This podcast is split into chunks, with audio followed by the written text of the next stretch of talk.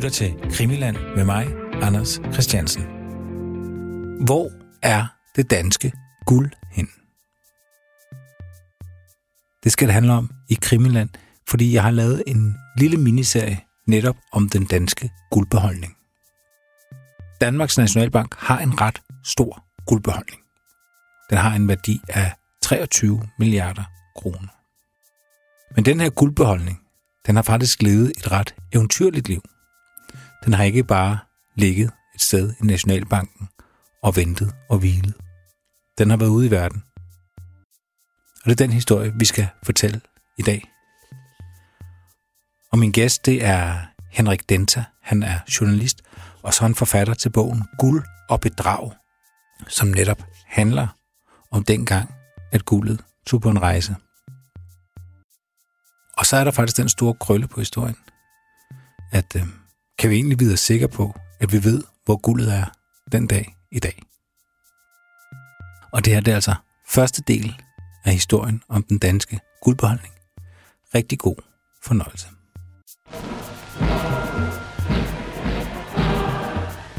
Since the Treaty of Versailles was signed in 1919, there have been only a few really momentous days in the history of Europe. Mussolini marching on Rome, Stalin launching his first five-year plan, Hitler breaking the bonds of Versailles one by one.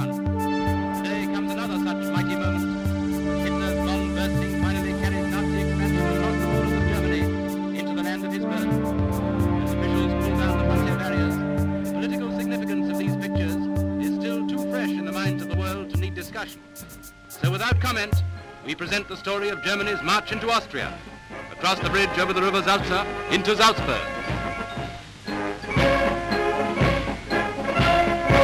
Altså, historien begynder jo helt tilbage i 1938. Og man kan sige, at det første skridt, det er jo sådan set, da Nazi-Tyskland invaderer Østrig. The German cameramen have sent us pictures of school children saluting the armored cars as they pass, of Austrian frontier guards welcoming German officers and riding side by side with them. De, øh, det chokerer jo det meste af verden. Og det er de færreste, der faktisk lægger mærke til her, at øh, tyskerne jo skynder sig ned i den østriske nationalbank, hvor der ligger en masse guld og plønder det. Øh, det skal op på en masse togvogn og hjem til Berlin. Mm-hmm. Øh, og det er jo øh, noget, som man kan sige, især finansverdenen lægger mærke til. Øh, politikere og mange andre har jo travlt med at diskutere Hitlers motiver og intentioner, og stopper han og, og meget andet. Men i finansverdenen, der bliver der selvfølgelig lagt mærke til det her. Og i Danmark og i København, der sidder så den, den øh, danske direktør for Nationalbanken på det tidspunkt, C.V. Bremsnes, og han må jo gøre sig sine tanker, og det gør han, ved vi. Mm. Og, og de tanker går jo retning af, at, at hvis tyskerne nu kommer til Danmark, jamen så vil de også komme og banke på hans dør og bede om adgang til kælderen, fordi der har han altså også øh, mere end 20 tons guld liggende nede. Og et eller andet sted, så er det jo også logik. Altså, det har jo alle dage været sejrherrens privilegium at plønne et land. Mm. Øh, vikingerne gjorde det, og det har man alle dage gjort. Men i 1938, der er det, der er det blevet lidt nemmere. Fordi du ved, at du skal kun et sted hen, nemlig landets nationalbank og ned i kælderen. Fordi i Østrig lå guldet i kælderen. Det gør det i Danmark, og det gjorde det i Sverige, Norge, England, you name it, Frankrig, alle steder. Ja. Så det er jo evident lige pludselig, og pludselig har du nu en magt i Europa, den tyske militære magt, som spiller med musklerne. Så det store spørgsmål, det er selvfølgelig, om de nu også kunne finde på at komme til Danmark. Ja. Og, og det sætter tankerne i gang. Og hvad, hvad er gulds betydning på det her tidspunkt? Hvad, hvad, hvad Guld har for så vidt mistet sin betydning mm. i økonomien. Uh, fordi, og det gjorde det nogle år forinden, tilbage i, uh, i, i 33, 32, 33. Uh, indtil da, der har alle pengesedler, der står tryk på dem, at hvis du er i tvivl om, hvad den her 100 kroner er værd, så kan du gå ned i Nationalbanken og veksle den til guld. Mm. Uh, det står simpelthen på alle pengesedlerne. I loven om Danmarks Nationalbank, som i dag er stammer tilbage fra 1936, der står der også, at Nationalbanken faktisk altid skal have en fjerdedel af den cirkulerende pengemængde liggende i guld. Det er sådan et eller andet reminiscens tilbage fra den gang, at hvis nu, at danskerne skulle alle sammen finde på at læse, hvad der står på den her 100 kroner mm. eller 50'er, eller 10'er, det her stykke papir, som en pengeseddel er, jamen så kunne de jo gå ned i Nationalbanken og bytte den til guld. Og vi ved, at danskerne har gjort det, fordi øh, hvis man, du kan bare google et billede fra 1914 fra politikken og Nationalbanken, så er der kaotiske tilstanden foran Danmarks Nationalbank. Fordi alle vil ned og bytte deres pengesedler til guld. Hvorfor? Jo, fordi Første Verdenskrig lige brudt ud. Mm. Ganske vist er Danmark ikke med, men alle bliver nervøse. Alle bliver usikre. Hvad kommer det her til at betyde? Og i løbet af få dage løber Nationalbanken tør for guld. Så man ved godt, at det har så været den her mulighed. Den ops, ophører så, og man går væk fra det der i, i 32. Men politikerne beslutter altså, da de laver den nye lov, at Nationalbanken skal have guld liggende. Just in case, som sikkerhed. Øh, så det, så den, det har vi haft lige siden. Mm. Og det ligger der så også i 38, da tyskerne går ind i Østrig. Og det er jo det, direktøren C.V. Bremsnes begynder at spekulere på. Ja. Hvis nu tyskerne krydser den danske grænse, så går der ikke ret lang tid, så står de og banker på min dør. Du sagde, det var 20 tons, det havde liggende. Over 20 tons, ja. Og hvad... Øh, optegnelserne er lidt mangelfulde for den gang. Men hvil, hvilken, hvilken værdi er det?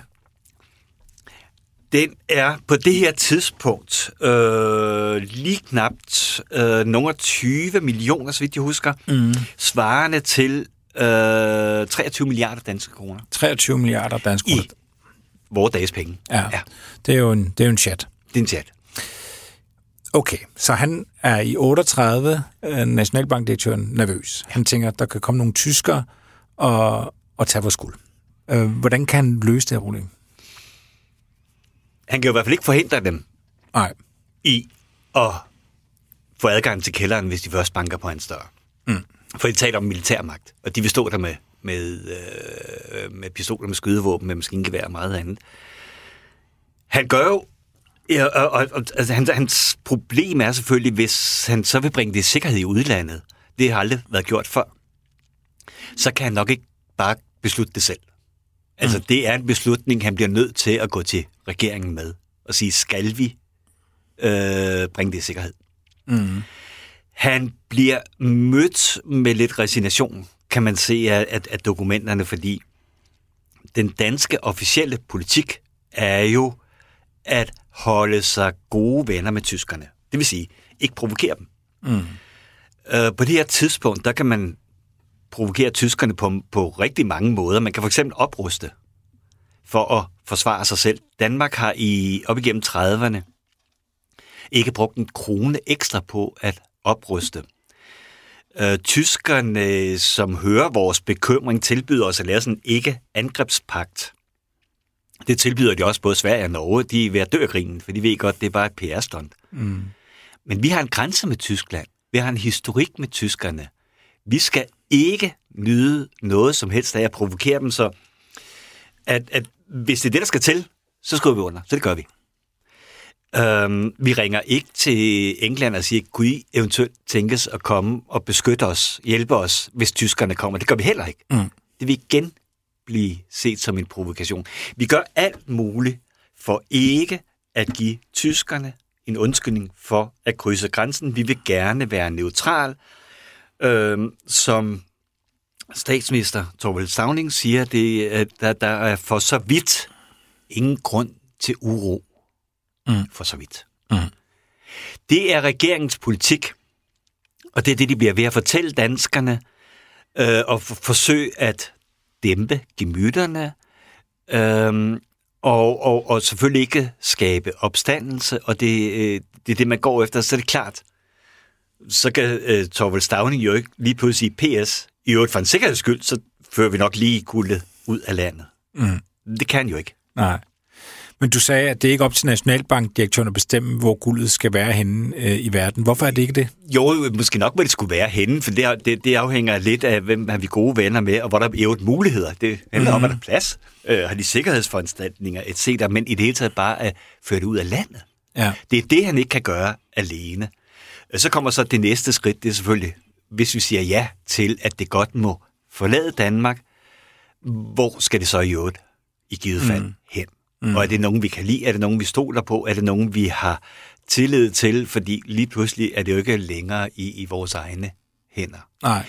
Men første skridt er selvfølgelig at få lov til at føre det ud af landet. Ja. Er, og der føre noget, det i sikkerhed. er der noget lovmæssigt, der forhindrer I at gøre det? Egentlig ikke. Mm. Men man kan sige, hvis han bare gjorde det, og kom og sagde til politikerne, by the way, i øvrigt, øh, så har jeg lige sørget for at sende det i sikkerhed. Øh, så vil det jo igen være politisk dybt, dybt, dybt problematisk. For så vil du have en nationalbankdirektør, der sender det i sikkerhed af frygt for tyskerne, samtidig med, at du har en regering, der siger, at der ikke er noget at være bange for. Ja. Så tror jeg nok, han havde fået et spark bag Ja. og, og, og, og bedt om at, at, at, at få det tilbage igen. Ja.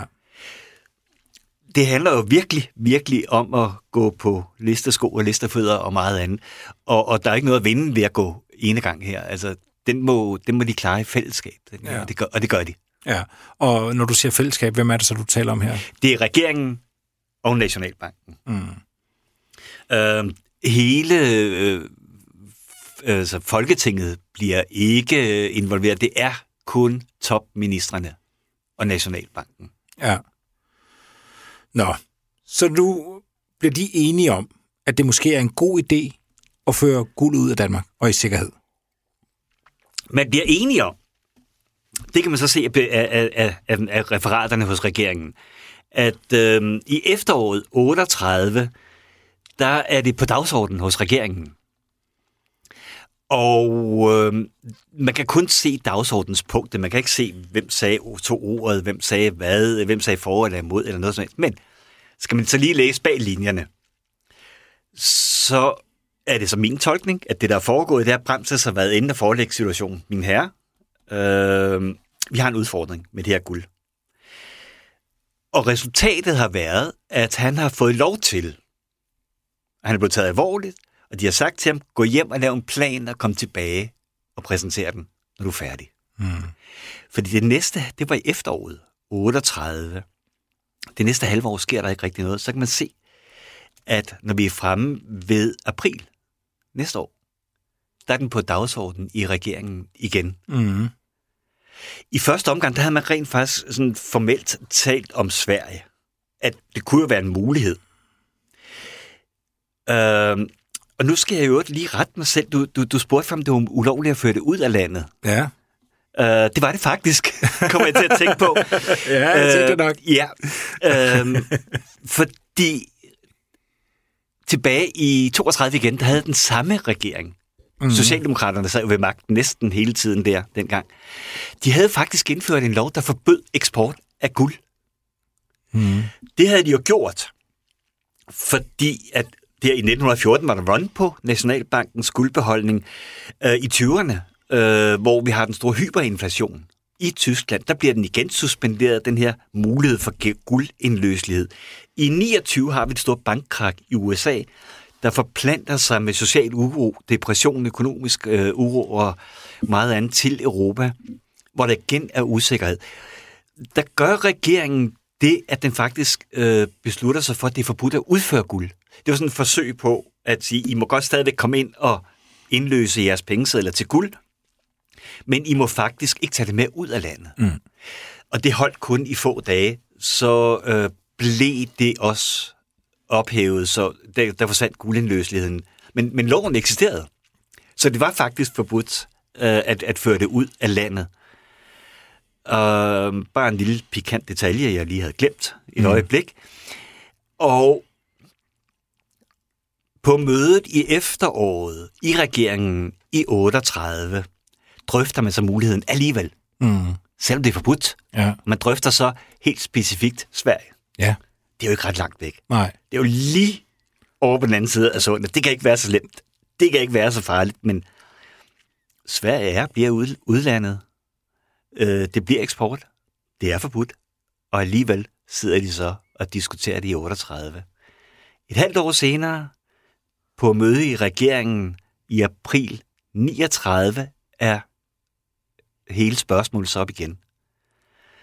Og det, der er tydeligt at læse bag linjerne og se, hvad der sker de følgende dage, det er, at nu bremses inden og forelægge sin plan, hvad han mm. har tænkt sig at gøre. Ja. Og Sverige er ude. Der bliver ikke længere kun snakket om Sverige, der bliver bare snakket, øh, snakket om et sted i verden. Og han får grønt lys. Hvorfra ved jeg det? Fordi 10 dage efter det her møde i regeringen, kører der 11 lastbiler gennem Københavns gader midt om natten. De kører ind igennem porten til Danmarks Nationalbank. De er derinde i en 2-3 timer, bliver lastet med 11 tons guld. Det var lastbiler fra Post- og Telegrafvæsenet. De kunne kun lige laste knap et ton hver. Ved 6 tiden om morgenen kørte de ud igen, og den korte vej gennem byen op til Københavns Hovedbanegård bliver lastet på et tog, som så sætter kurs mod Helsingør og over til Helsingborg op til Stockholm og til Sveriges Nationalbank. I aller, aller, aller dybeste hemmelighed.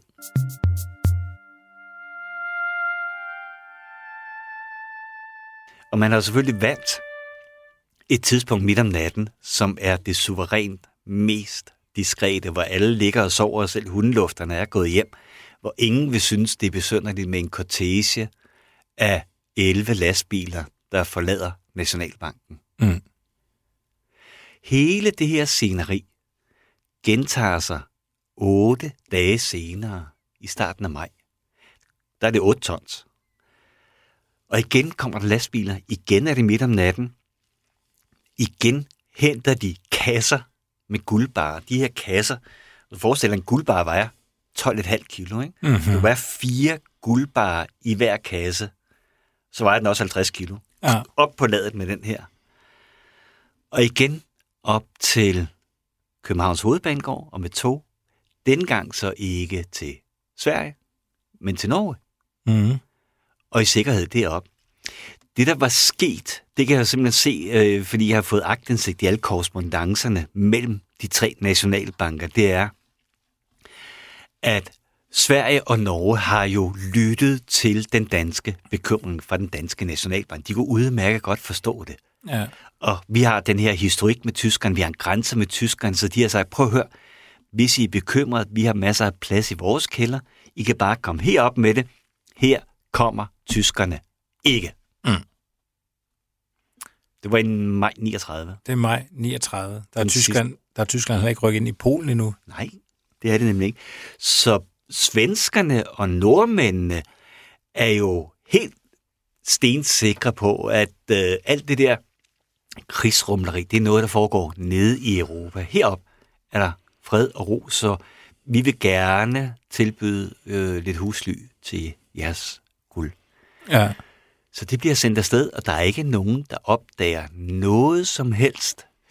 Øhm, Nationalbanken sender en forespørgsel afsted selv samme morgen til et forsikringsselskab. Vi vil gerne lige have forsikret en, en uh, transport af guld. Så kommer alle detaljerne. PS, transporten afgår i nat. Wow. Alt har været timet og tilrettelagt fra den dag, regeringen holder møde i 24. april 39 til den 2. maj, hvor den første transport kører ud af Nationalbank. Der går et brev afsted fra Nationalbankdirektøren samme dag, som der går et brev afsted til forsikringsselskabet. Så skriver Nationalbankdirektøren til handelsministeren, som jo er den øverste ansvarlige, det smukkeste brev, man kan se offentlige myndigheder skrive, for det er kun på to og en halv linje. Herved beder vi om tilladelse til at udføre guld for 18 millioner kroner. Øh, et kilo svarende lige med 2.480 kroner. Punktum slut. Med venlig hilsen. Intet om hvorfor. Intet om, hvor det skal hen. Intet om, hvordan har vi tænkt os at beskytte det. Intet om, er det forsikret. Samme dag er der gået et brev afsted til forsikringsselskabet. Vi vil gerne have et tilbud. Det her brev kommer jo ikke på nogen som helst måde som en overraskelse for ministeren, Nej. fordi han svarer selv samme dag. Herved har I tilladelse til, øh, ifølge øh, ansøgning, og i henhold til tidligere mundtlige drøftelser, Ah. at udføre guld svarende til, så kommer det samme beløb en gang til. Punktum. Hans brev er næsten dobbelt så langt. Det er på 4,5 linje. Underskrevet. Samme dag. Ja. Operationen har på bedste Olsen bande maner været timet og tilrettelagt. Den går i gang præcis den dag. Vi skal lige starte med, du sender mig lige to linjer. Vi skal lige have formalia på plads. Du behøver ikke at skrive noget om, hvorfor, hvordan eller noget som helst andet. Jeg skal bare lige, bare to linjer. Jeg skal nok sørge for at svare. Vi skal lige have forsikringsselskabet med på det. De er jo også blevet briefet og informeret, ikke? men ikke noget på skrift, før operationen går i gang. Mm. Samme nat rykker PRT ind med 11 lastbiler og begynder den første transport. Og ugen efter, hvor det hele gentager sig, nøjagtigt samme procedure, der ryger et brev afsted, fra Nationalbanken beløbet er lidt anderledes, det er lidt mindre. Her vil beder vi om tilladelse til, øh, og ministeren svarer. Nå ja, øh, øh, her svarer han dagen efter, men fred Ja. være med det, ikke? Øh, og så siger han, slutter hans brev her med, at øh, man vil gerne underrettes, når nærværende tilladelse er benyttet. Sagt på godt dansk, giv mig lige præg, når guldet er nået frem. Ja. Jeg vil gerne lige vide det. Og, og kan ministeren egentlig godt give tilladelse til det? Hvis du siger, at det var ulovligt at Ja. udføre guld af, af landet? Ministeren har i hvert fald regeringens opbakning. Okay. Det er helt sikkert. Og Stavnings opbakning. Øhm, og man kan sige, øh, Nationalbankdirektør C.V. Bremsnes, han har gode forbindelser til de her minister for den socialdemokratiske regering. C.V. Bremsnes har selv været i to omgange finansminister i den selvsamme regering. Og han er en god socialdemokrat, så de kender hinanden, mm. og har kendt hinanden i mange år, og stoler på hinanden. Om de kan? Nej, de kan ikke. Men de gør det. Mm. Og de gør det jo for et højere formål. Set i deres øjne. De gør det for at beskytte guldbeholdningen. Fordi de inderst ene dybest set ikke kan sige sig fri for mistanken om, kommer tyskerne her. Sandsynligheden er stigende. Ja. Det kan de selv de mærke. Og det kan godt være, at de officielt og udad tiltaler om, at tyskerne kommer ikke, og der er ingen grund til uro, etc. Øhm, men inderst inde frygter de det jo, at det er et scenarie, der kan ske. Øhm, man kan på internettet finde Stavnings åbningstale til Folketinget den 1. september. Der er krigen brudt ud. Tyskerne er gået ind i Polen. England og Frankrig har stået ved deres løfte til polakkerne og erklæret Tyskland krig. Der taler Stavning i, øh, i Folketinget. Det, ja, det hedder så ikke Folketinget dengang, men, men den tale ligger på internettet, og det er smukt at høre. Og der kan man jo tydeligt høre, hvor meget han prøver på at berolige folk og berolige nationen. Der er for så vidt ingen grund til uro her i landet, i Danmarks neutralitet er anerkendt, og landet befinder sig i venskabeligt forhold til alle magter og i normal forbindelse med disse. Nu gælder det om at udvise en fuldkommen upartisk adfærd over for de nationer, som er deltagere i krigen. De her situationen krævet neutralitetsforanstaltning. Og han taler jo om, at, at selvfølgelig bliver det ikke, hverdagen kan blive lidt anderledes, og det kan blive lidt hårdere og, og, og, og sådan lidt, men, men der er ingen grund til at frygte for liv og lemmer, og vi kommer ikke i krig og sådan noget. På det her tidspunkt, der er guldet ført ud i landet. Han nævner ikke guld med et eneste ord. Mm. Han kunne ikke sige, by the way, i øvrigt, øh, sådan for en sikkerheds skyld har vi gjort det der. det vil jo være det, som vi i dag kalder løftebrud. Det vil være, altså, ingen, alle vil jo stille sig op og pege fingre af ham og sige, jamen, du, så tror du jo selv på, at de nok kommer. Det er derfor, du gør det. Han, han, derfor var det nødvendigt, og det har været regeringens betingelse, er jeg ret overbevist om, for at give accept og være med til det her, at flytte guld ud af landet, at det blev holdt i aller, aller dybeste hemmelighed. Der skulle ikke være noget som helst på skrift. Mm. Først den dag, operationen går i gang, kan du sende mig et stykke papir, som indtil da så er der jo ikke noget bevis for noget som helst. Men send det lige til mig samme dag, når operationen går i gang. Jeg skal nok svare med det samme. Formalia er på plads. Bare to linjer. Det er rigeligt. Så kører vi. Mm. Og guldet ender så dels i Sverige og dels i Norge. Kan vi så sætte punktum her og sige, det var den historie? Nej, fordi 1. september, som vi lige var inde på, går Tyskland ind i Polen. 2. verdenskrig er en realitet.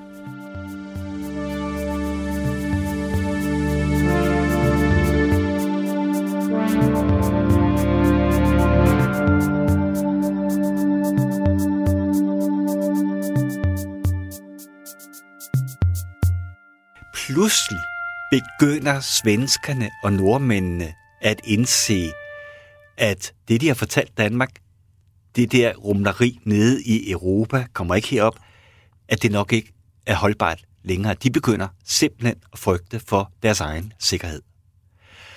Og de pågældende nationalbankdirektører begynder også lige pludselig at frygte for, at, og få nøjagtigt de samme tanker som i Danmark, at hvis tyskerne kommer til Sverige, hvis tyskerne kommer til Norge, så vil de også gå hen og banke på Nationalbankens dør der i Stockholm og i Oslo. Mm.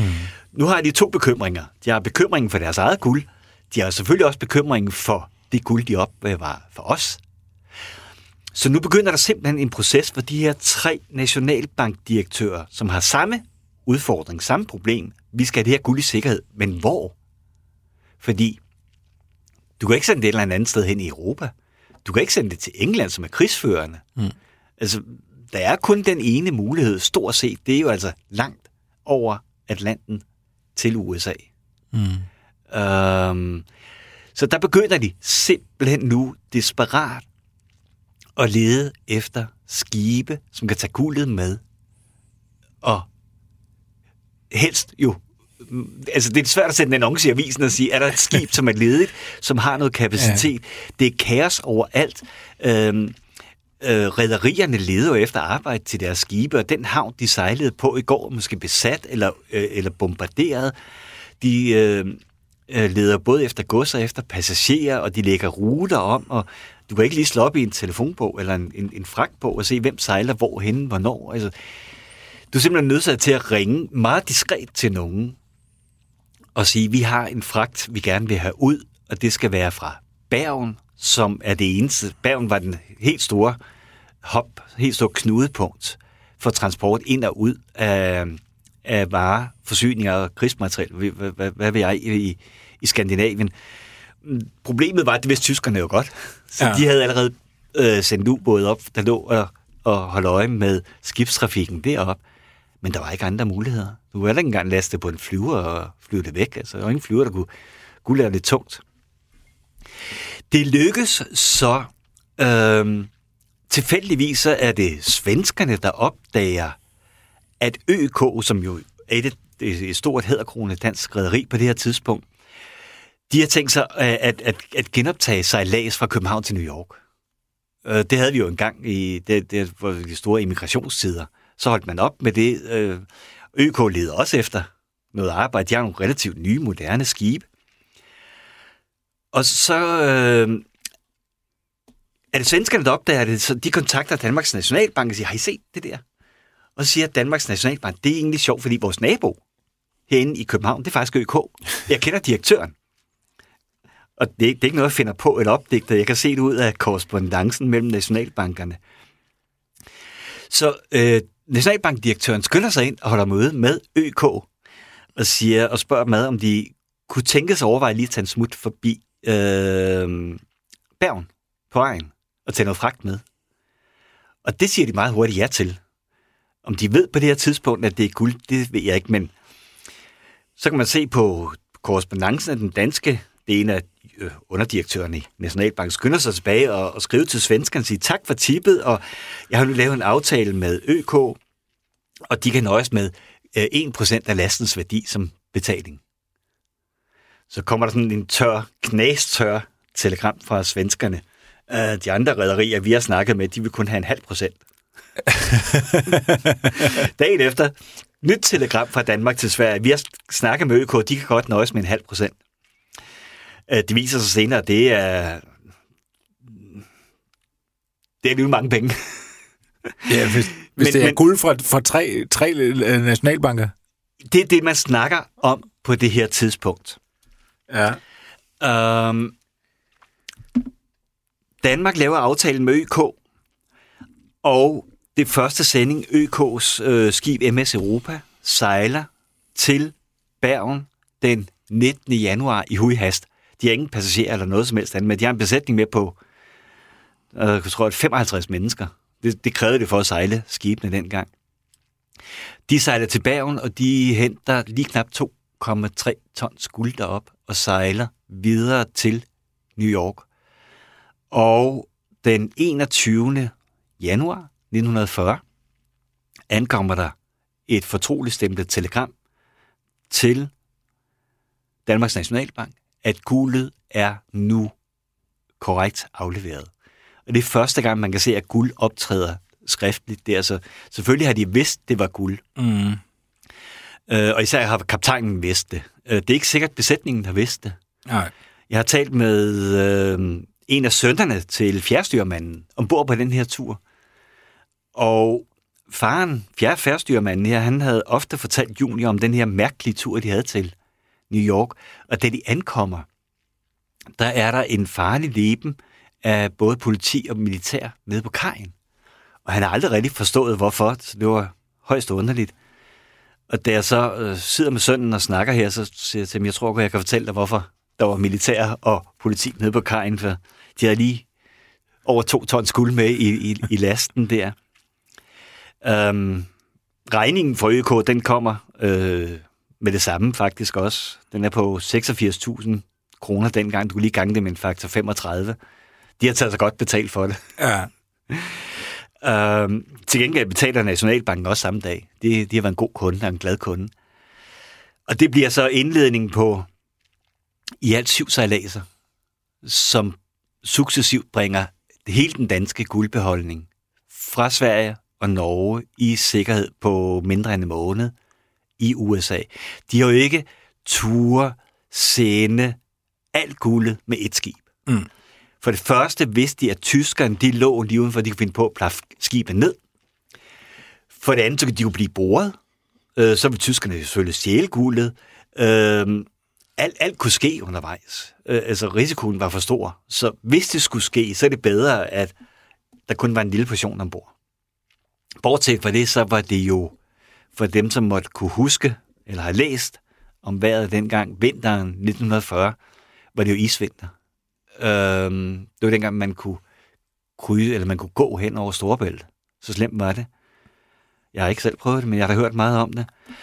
Så det var jo bidende koldt. være ud over alle grænser, og det er så her, hvor at de bevæger sig fra Bergen og mod USA. Det ville man normalt, og det var man allerede begyndt at gøre, øh, sejle i konvoj for at mm. beskytte hinanden hvor du lå 50 skibe, således så var der en eller anden tysker med torpedo, så ramte han kun den yder, det yderste skibe. Dem, der lå inderst, var beskyttet. Øhm, og sejle i konvoj dengang, der var kun én regel. Det var, at du skal holde tempoet. Altså, hvis du ikke kan følge tempoet og, og sejler bagud, eller falder bagud, så, øh, så er du alene. Vi venter ikke på dig. Mm. Det vidner bare lidt om, øh, øh hvor, hvor alvorligt man tog det her. Ja. MS Europa, der er det første med over to tons guld, er kun i Bergen i 6 timer. De kommer ind ved 8-tiden om morgenen, sejler igen kl. 14, der har de fået lastet de her to tons, og så er der afsted. De sejler ikke med konvoj. Det galt bare om at komme hurtigst muligt afsted, ud over stepperne derudad, øhm, som igen bare vidner noget om, om situationens alvor. Og selvfølgelig den ris- risiko, de også løb. Ja. Det har alle. Det har alle vidst. Øhm, jeg ved, at Nationalbanken har forsøgt at forsikre transporten. Øh, det har fundet nogle papirer på. Om det lykkedes, det ved jeg faktisk ikke, ikke engang øh, i dag. Man kan sige, at alle har vidst, hvilken risiko, men det havde fjerdstyrmanden jo ikke.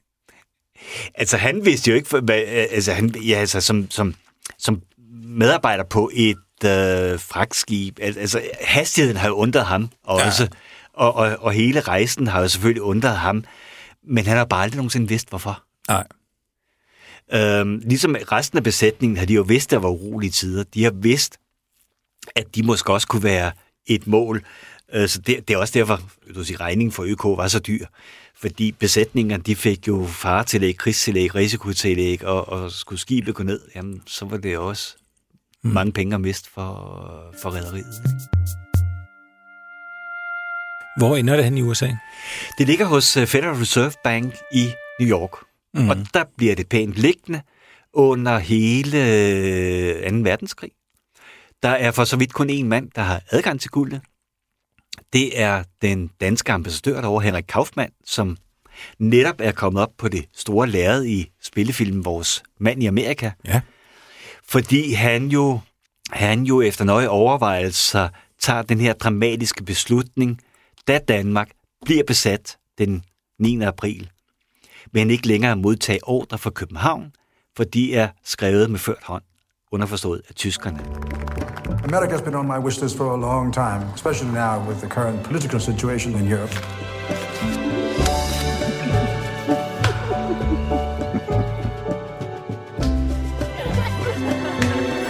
Kan også bare læne os tilbage og lade Hitler tage Europa. Skal vi gøre det? Det er den danske neutralitetspolitik. Det er en, en, en balancegang. Hvis alle tænker som de, så vinder Hitler krigen. Når krigen kommer, så har jeg brug for sådan en som dem. Danish Embassy. Can I have a comment from the Danish ambassador about the Nazi invasion of Denmark? Hvilket jo får den klare konsekvens, at øh, han bliver fyret, øh, men han arbejder bare videre som dansk udsending derovre. Det lykkedes ham efter lange bestræbelser og intens lobbyarbejde at få amerikanerne til at anerkende ham som Danmarks retmæssige repræsentant, selvom han er fyret mm. hjemme fra København. Fordi han har trods alt en trumf. Han har Grønland. Ja. Som amerikanerne og opdager. Amerikanerne vil jo meget, meget, meget nøde ind i den her krig. Åh oh, Gud, ikke, vi, vi, vi kan ikke have flere krige. Så de vil jo nøde ind i den. Men indser så til sidst, at det er de desværre nødsaget til. Så bliver Grønland meget, meget hurtigt strategisk fuldstændig vital og afgørende for dem, så er det rart at kunne forhandle med Kaufmann. Kaufmann, som jo så er afskedet for ingen løn hjemme fra Danmark. Mm. Han får ingen penge til at finansiere øh, øh, sin stab, mm. øh, til at betale husleje med, eller noget som helst. Mm. Men han har så fået lov af den amerikanske regering til at gå ind og besøge vores eget guld, som ligger i Federal Reserve i New York og tage en enkelt guldbar eller to ud og sælge den og finansiere både sin egen ambassades drift. Han bruger det også til at betale af på de lån, som vi faktisk har optaget i USA. Derved stadigvæk holde sig gode venner med amerikanske investorer og, og amerikanerne hele taget. Og han sender penge til støtte til de andre danske ambassader, som har taget, indtaget samme standpunkt som ham. Mm. Ikke at følge ordre fra Danmark. Nogle ambassader valgte at gøre det, og andre gjorde ikke. De fortsatte med at sige, altså, vi vælger jo ikke regeringen derhjemme, men vi er tjenestemænd, og, og vores job er altid at øh, betjene den til enhver tid siddende regering. En mand har adgang til 20 tons øh, guld. Er der, er der ført regnskab med, hans, hans guldforbrug, så at sige, øh, for den gang, kan man, kan man vide, at, at han ikke bare tænker, hold kæft, hvor er jeg bare heldig. Lad os bare sige, regnskaberne er ma- mangelfulde. Ja. Øh, til gengæld så er mistanken om, det du siger nok er rigtigt, øh, udtalt, især i Udenrigsministeriet, de er rasende på, hvordan han bare bruger løs af guldet. Og, og, og, og, og der er jo ingen regninger i det her mm. spil. Så de aner jo ikke, hvor meget. Altså, Kaufmann var også en levemand. Øh, det er der skrevet bøger om, og det kan man se, altså, det, det, det der ingen, her skal der ingen tvivl om. Øh, hvorvidt han har brugt af det her guld til at opretholde en luksuriøs øh, tilværelse, det er formentlig nok tænkeligt. Altså, mm. han har nok ikke gået ned i løn. Mm. Øhm, ja, der, er ikke, der er ikke grund til at tro, at han har øh, beriget sig selv ekstraordinært på mm. nogen som helst måde. Men i hvert fald, Udenrigsministeriet er tosset og rasende på ham. Også fordi altså, de kan ikke se nogen regning, de kan ikke se nogen kvitteringer, de kan bare se, at han bruger af guldet, som det er formuleret i nogle skrivelser. og det oser simpelthen op i de her skrivelser, hvor rasende de er på ham. Men øh, hvis man faktisk, hvis man, øh, nu ved jeg ikke, om jeg foregriver begivenheders gang, Henrik, men hvis man læser din bog Guld og Bedrag, som du skrev tilbage i 2015, der, der kan man jo læse, at Kaufmann jo måske gør jo noget, der er, måske er rigtig klogt.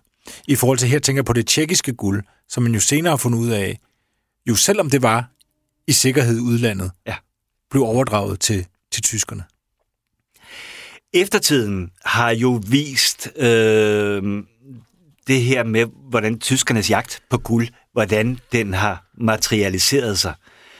Øh, og der, der er, det vrimler med, øh, med virkelig besønderlige historier.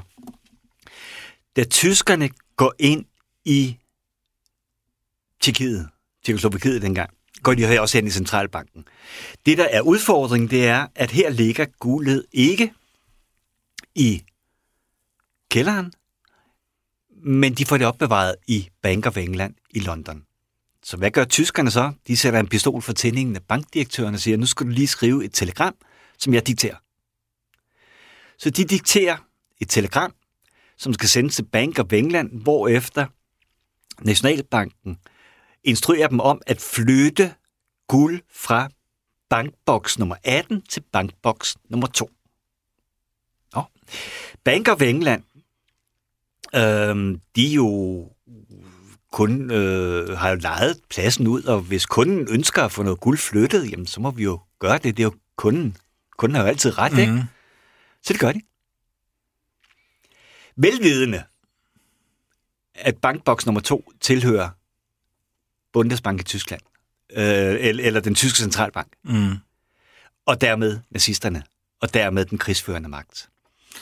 Og man kan sige, de vidste også allerede på det her tidspunkt, at efterkommer vi det her telegram, de ønsker, der står her, den her ordre, det er en klar instruks, efterkommer vi den, går vi tyskernes ærne. Derfor så blev, at man efterkom den her beslutning, det var også et stykke papir, der blev gemt i den aller, aller nederste skuffe. Og hele den historie er først kommet frem så sent som for i 2013. Fordi den lagde så yderligere, eller bare yderligere brænde til det bål om, at den britiske centralbankdirektør på det her tidspunkt nok havde rimelig mange nazistiske sympatier. sympatier. Mm. Og hvorfor skulle han gå med til at flytte det, når han nu, han skal, han skal bare ned i kælderen og flytte det fra en kælder hen i en anden. Ja, han kunne flytte om på nu- numrene. Ja, ja, han kan kunne sikkert godt. flytte guld, han kunne tage totallet Lige- ja, og flytte over i nummer 18 og 18 tilbage i totallet, Lige præcis. og så det tysk guld. Lige præcis. Og det er sådan, det foregår. For det lå dernede. Øhm, så når han velvilligt gør det, øh, er det jo så bare med til at, at nære øh, interessen, for han har nok lidt for mange øh, nazistiske sympatier. Men hele, det lykkedes altså at holde hele den historie godt gemt indtil 2013, der skabte en stor ravage i øh, England i, igen.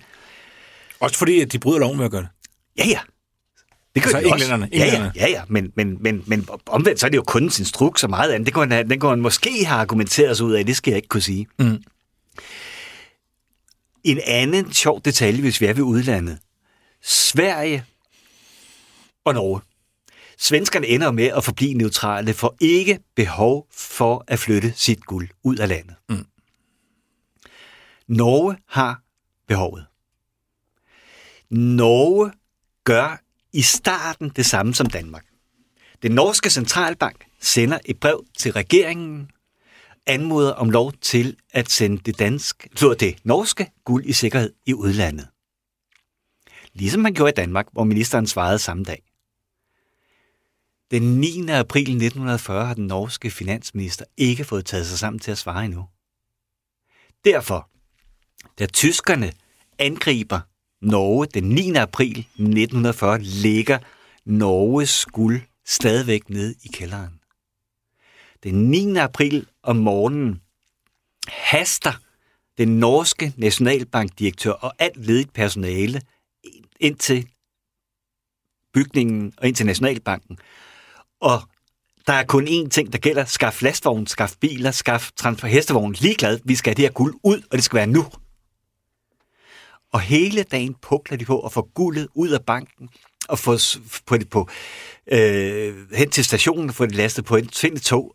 Og de følgende uger er det simpelthen en hæsblæsende flugt op igennem Norge.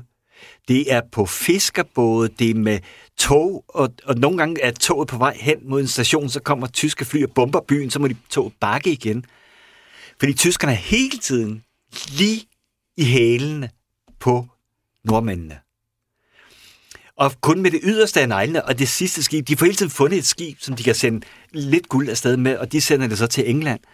Øh, og du skal helt op til nord på, at der kommer det sidste guld, så afsted med det sidste skib ud af Norge, sammen med den norske regering, og sammen med os øh, centrale direktør fra den norske øh, centralbank. På den måde, og i yderste øjeblik, lykkes det nordmændene så at få deres guld i sikkerhed. De bruger det så sidenhen til at finansiere den øh, norske modstandsbevægelse. Efter krigen kommer guldet hjem, og nord, i, i den norske selvforståelse og den norske historie er de så stolte af den rolle, som guldet spillede, fordi punkt 1, de snød nazisterne i aller, aller sidste øjeblik, Ja, hvad det vidderligt gjorde. ja. Og det blev brugt til et godt formål, nemlig til at finansiere modstandskampen.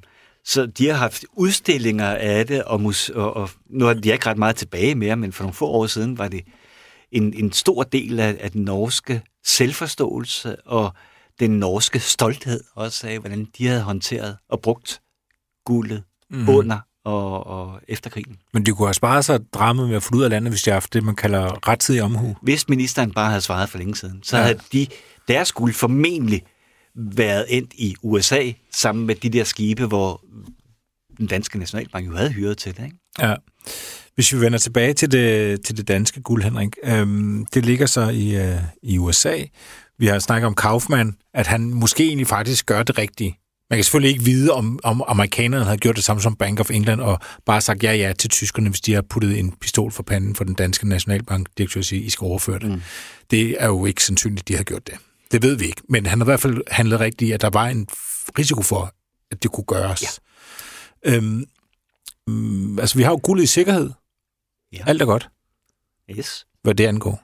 Og Kaufmann kan finansiere sin private modstandskamp, og han vender jo hjem til, til øh, Danmark efter krigen som en, en, en held, mm. og, og det store symbol på, øh, hvordan diplomater også kan yde modstand mod en besættelsesmagt uden brug af våben. Mm. Øh, hvilket er en fantastisk historiefortælling i sig selv. Øh, og i og med, at han så ender på sejrherrenes side, er han jo så også en held på den måde. Ja. Guldet bliver øh, no, i sikkerhed nogle år. Vi ved ikke præcis hvor, men det er slutningen af 40'erne, starten af 50'erne, der, der kommer det så hjem igen til Danmark. Men, men, men... Det er ikke det samme som det er rolige tider. Nej. Fordi nu har vi så til gengæld den kolde krig. Og igen øges frygten for, at Danmark skal blive besat. Igen er den her frygt så massiv og så omsaggribende, at Nationalbanken endnu en gang spørger sig selv, hvis de kommer, så kommer de sikkert også efter vores skuld. Måske vi skulle bringe det i sikkerhed igen. Og det gør man. Og det meste af det ryger så til øh, Bank of England. Og der har det været mest af det. Og jeg siger det meste af det, øh, stort set lige siden. Mm. Her slutter første afsnit om den danske guldbeholdning. Anden afsnit, som vi sender i næste uge, handler om, hvorvidt der overhovedet er nogen, der har styr på, hvor Nationalbankens guld er henne i dag.